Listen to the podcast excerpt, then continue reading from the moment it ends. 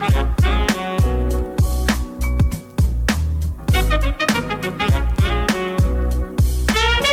och välkommen till Vargen i Valla, Börsgruppens podcast. Det här är avsnitt 9, säsong 4 och eh, jag som talar heter Ola. Sitter här i BG-rummet med mina kära vänner Erik och Adriana. Hur är läget? Jag tycker det är bra. Mycket, mycket bra. Mycket bra. Jag reagerar på att du sa välkommen till Vargvalla.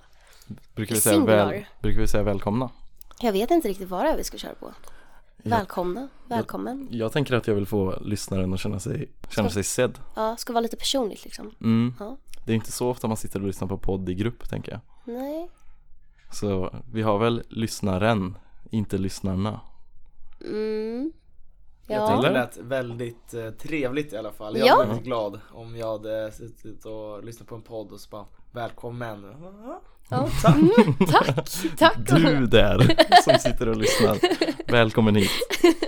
Ja det är trevligt alltså. Mm. Faktiskt, vi kör ju lite, ska vi vara ärliga med att säga det att vi spelar in lite i förväg nu på grund av stundande juluppehåll. Så när det här släpps så får vi väl hoppas att alla haft en fin jul. En Ja, fin exakt. eh, nyår. Men det här släpps det här i mellandagarna eller efter nyår? Det vet vi inte riktigt än. Vi får se. Mm. Vi får se. Ja. Jag älskar att vi ser oss själva som en sån här podd som bara, alltså vi kan inte göra våra lyssnare besvikna. Vi måste släppa ett avsnitt varannan tisdag. Ja men s- ja, så känner jag. Ja. Jag, jag tänkte ju, Jag hoppas att ni också känner det. när vi, säger, när, när vi säger ni numera då menar vi liksom oss i podden och när vi säger du då är det lyssnaren. Vad bra. Ja. Ja, vi klargör vår relation här till, till dig som lyssnare. Okej Erik, ska vi fortsätta? Vad Ja. händer idag? ja vad händer idag? Förlåt, flum. Nej men idag eh, så är det ju min tur att presentera steg tre i den här lilla sagan eller kalendern eller vad man ska kalla den. Eh, då kommer ju det absolut bästa caset. Olas var väl bra, Adrianas var lite bättre men nu idag. Idag så eh, får ni se Oj oj oj. hur en äkta bolagsanalys ser ut. Okej. Då ska vi se. Ja, nej men jag eh, Nej jag skämt åsido, Olas var magisk, Adrianas var också fantastisk så Jag har, eh, säger man, stora skor att fylla Eh, Men jag har ju förberett lite så vi får hoppas på att ni alla blir lika intrigued och Som jag blev när jag hörde om bolaget Det tror jag. Jag har ju fått eh, höra lite i förväg, förväg vilket bolag det är. Och jag tror det kommer bli riktigt nice. Mm. Det är en speciell. Spännande, tycker jag. Då sätter vi igång va? Vi sätter igång!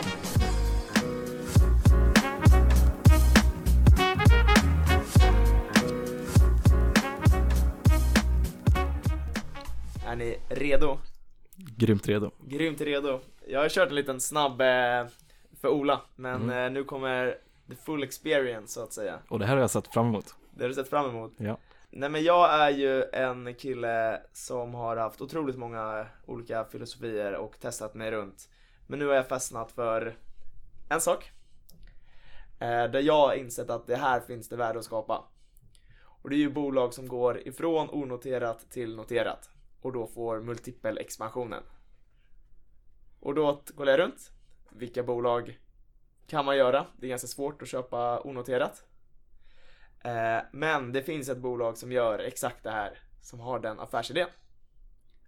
Eh, bolaget heter VNV Global. Och de har, om man ska läsa på deras hemsida så står det så här.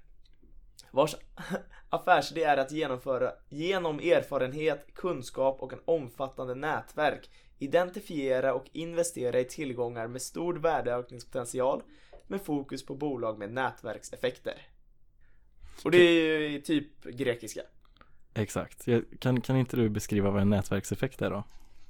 Jag ska säga vad de gör på svenska tänkte jag. Ja, ja men vad bra. Ja, så det vill säga att alltså det enda fokuset de har, det är på skalbarhet.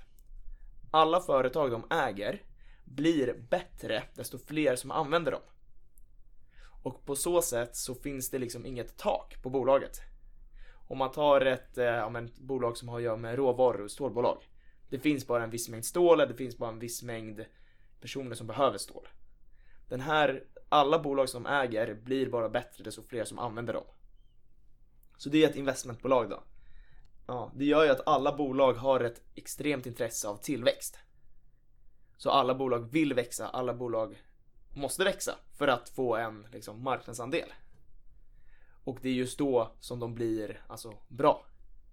Så de investerar i bolag som enbart onoterade. Det kan vara från Sverige, det kan vara från hela världen egentligen.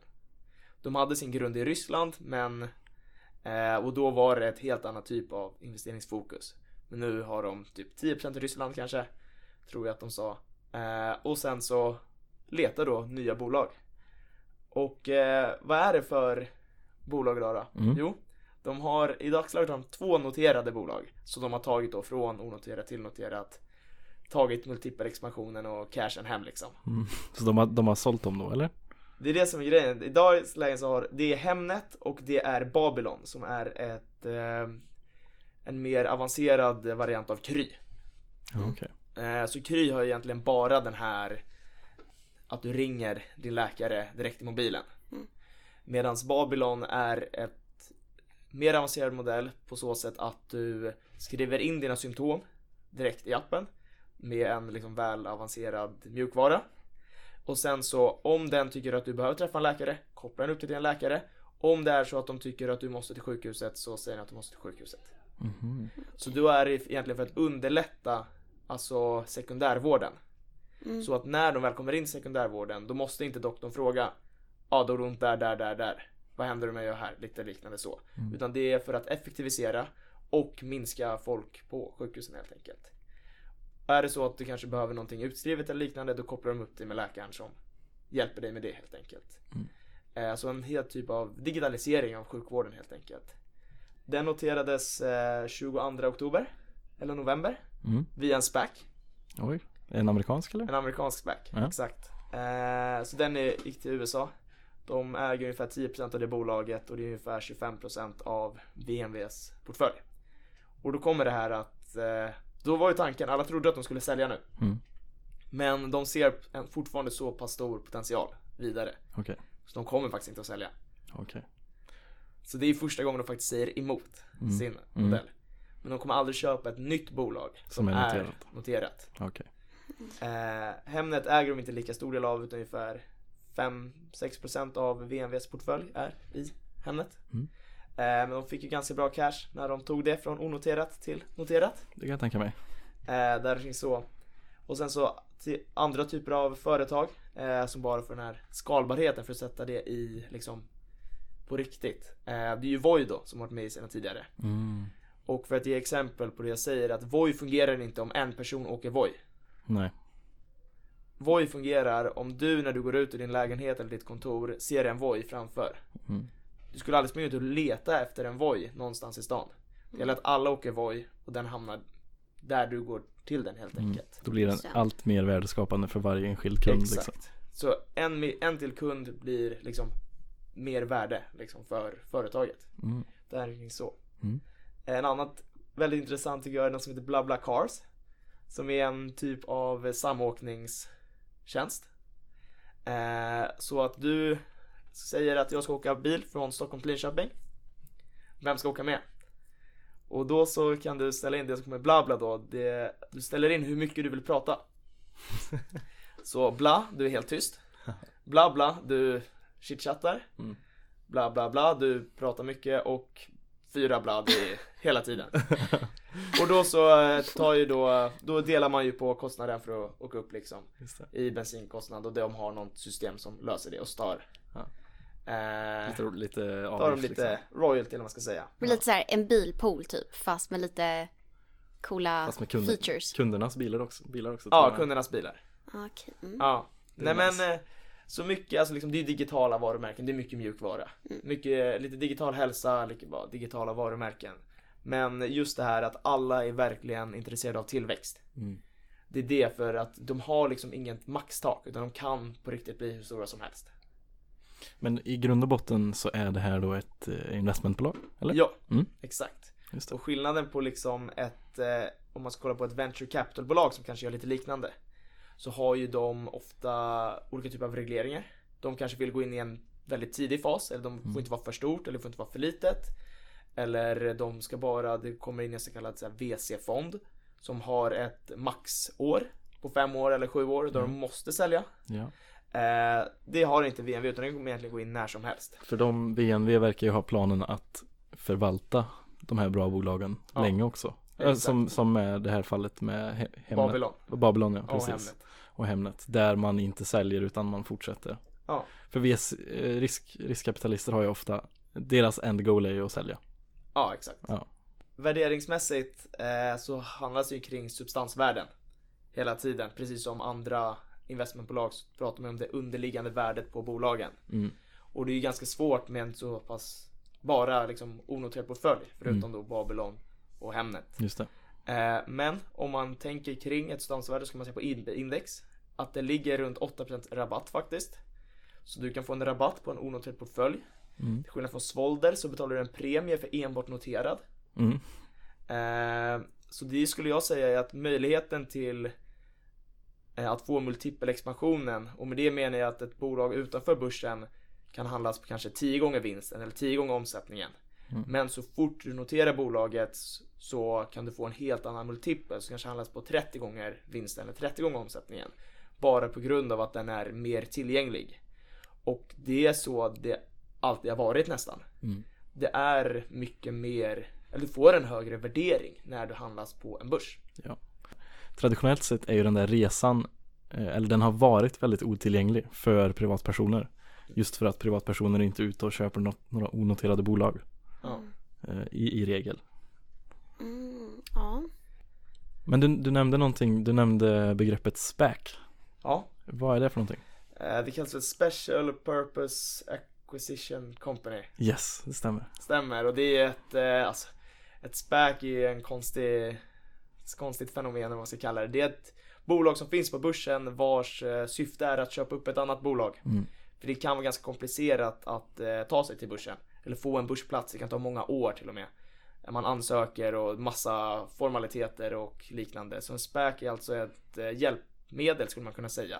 Mm. Eh, någon noterar en SPAC och sen köper den upp bolaget som är på väg till börsen. helt Då blir det en omedelbar börsnotering det blir en nästan. omedelbar börsnotering. Och ett SPAC kan väl, in, innan man vet vad en SPAC ska göra för något, då kan man ju se det som att man eh, köper aktier i en korg med Ja. pengar. Exakt. Och ibland kanske de har några profiler i någon slags styrelse som är riktade inom någon viss bransch som kan ge en hint om vart, vart de har tänkt. Eh, Vart pengarna ska gå helt enkelt. exakt, vad de har tänkt sig. Ja. Eh, nej men så jag tycker det är eh, sjukt intressant faktiskt.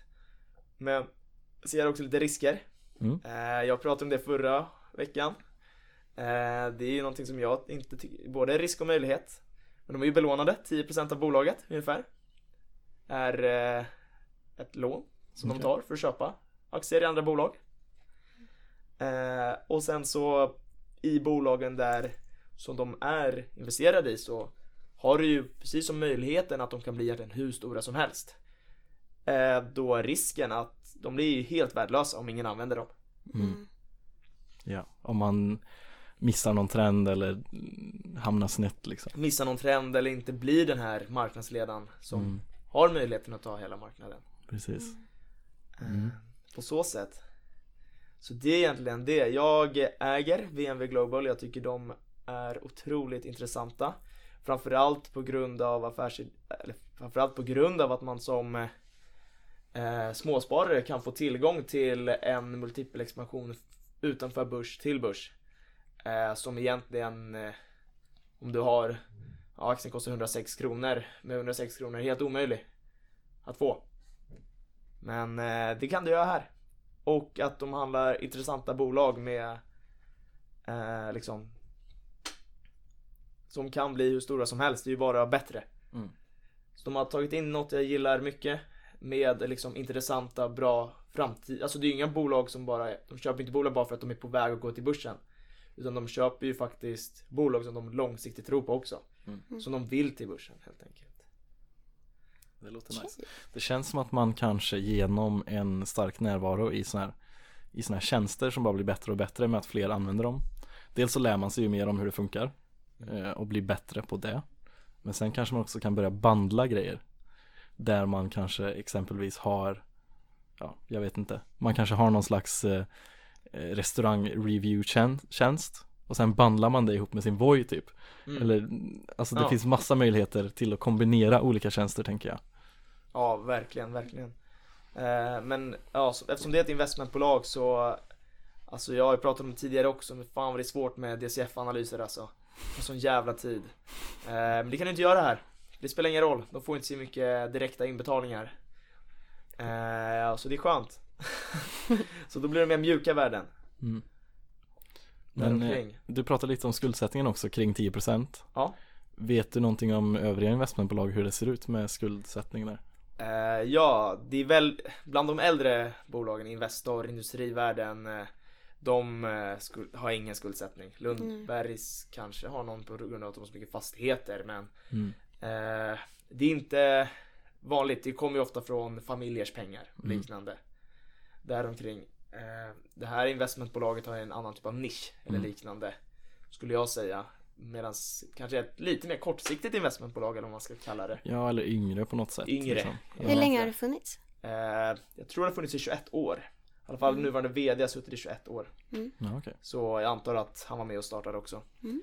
Något som kan vara intressant också är att eh, fram till 2015, eller de bytte lite nisch 2015 skulle man kunna säga. Så då var de, så de har ett, en avknoppning har de gjort som heter Vostok Emerging Finance. mm, Den har jag hört gör talas om exakt samma sak som VNV Global fast på, bara på emerging markets marknader. Mm. Så medan de här kanske är på lite mer, om en Europa, lite mer, vad säger man, mogna marknader. ja. Så kanske emerging finance då har lite mer tänket, exempelvis Avanza fungerar i Sverige. Det finns inget Avanza i Brasilien. mm. Ska vi försöka ta ett bolag som Avanza till Brasilien? Eller öppna någonting som fungerar som Avanza i Brasilien? Så lite liknande så. Mm. Och mer på den här, eh, ja, omogna marknaden helt enkelt. Mm. Däromkring. Så de har inget med att göra längre, men de Okej. gjorde det förut. Men kör de någon specifik, eh, eh, alltså vart riktar de in sig på främst? I världen? Det är de öppna för hela världen. Ja, det är. Men det är mest, jag tror att det är ungefär 70% där i Europa just nu.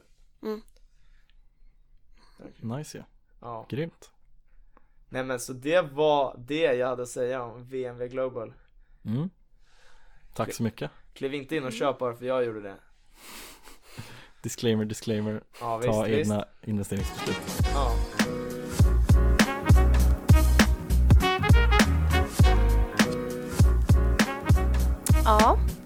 Ja men det här var spännande Erik. Tycker du verkligen det? Mm. Riktigt bra Riktigt bra Jag eh, kommer definitivt titta närmare på bolaget Men Erik, hur, hur kom du i kontakt med VNV Global första gången då? Eh, Det var en sån här klassiker faktiskt. Eh, Det är ett tips som vi har, som du har gett tidigare Ola. Man kollar på fonder man tycker är intressant och vad äger fonderna? Mhm Okej, minns du vilken fond det var Ja, eller? det var den så kallade, den ökända TIN Ny Teknik. Ja, Eh, Nice, ja. Så de äger ju den. okej Lite en kvalitetsstämpel. Ja, nej men jag tycker det är en jättebra strategi att bara se vad Se vad fonderna äger Eh, För då har de ju genomgått någon slags filtrering hos dem Jag tycker det är kul, man ser ändå väldigt tydligt så här, vad det är du, vad det är för eh, bolag du dras till liksom och tycker det är intressanta. Fint, det var ju det, det där var ju vår lilla tre steg-serie med ett varsitt case. mm. Vi hoppas att ni har tyckt om dem och att ni har blivit underhållna även under närmare julen. Mm. Ja, det hoppas vi ju verkligen Och eh, Ja, jag vet inte Gott nytt år kanske Mm. Det kanske kommer lite i efterhand Men Ja. eh, god fortsättning Eller något sånt Mm. God fortsättning. Ja Ja, Ha ett nice år. det Nej, men jag hoppas starten från på året oss blir bra. alla till er alla. Ett riktigt bra år Ett riktigt bra år. Ja, Nej men vi kör på det tycker jag Tack för att du lyssnar yes. Ha det bra Hejdå. Hej. Tja!